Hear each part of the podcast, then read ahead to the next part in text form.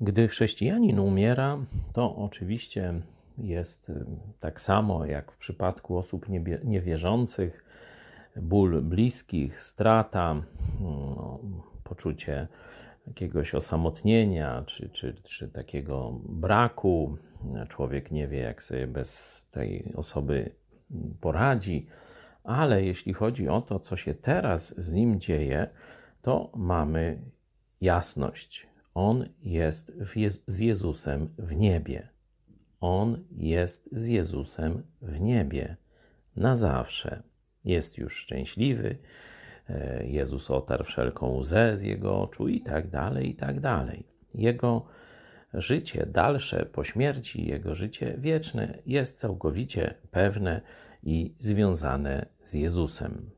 Z kolei, co się dzieje, kiedy umiera człowiek niewierzący? No, tak jak powiedziałem, tu poczucie straty jest takie samo, ale chcę Wam przeczytać z listu do Efezjan opis życia niewierzącego człowieka. To jest drugi rozdział, dwunasty werset. Człowiek bez Chrystusa, tak jest opisany. Byliście w tym czasie bez Chrystusa, dalecy od społeczności izraelskiej i obcy przymierzom zawierającym obietnice. I tu nie mający nadziei i bez Boga na świecie.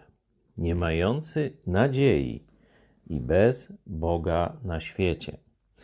Jeśli człowiek dotrwa, no tu mówię ironicznie, ale będzie odrzucał kołatanie, stukanie Jezusa do swojego życia, do końca swoich ziemskich dni, będzie bez nadziei, bez Boga na świecie, to co się z nim stanie po śmierci?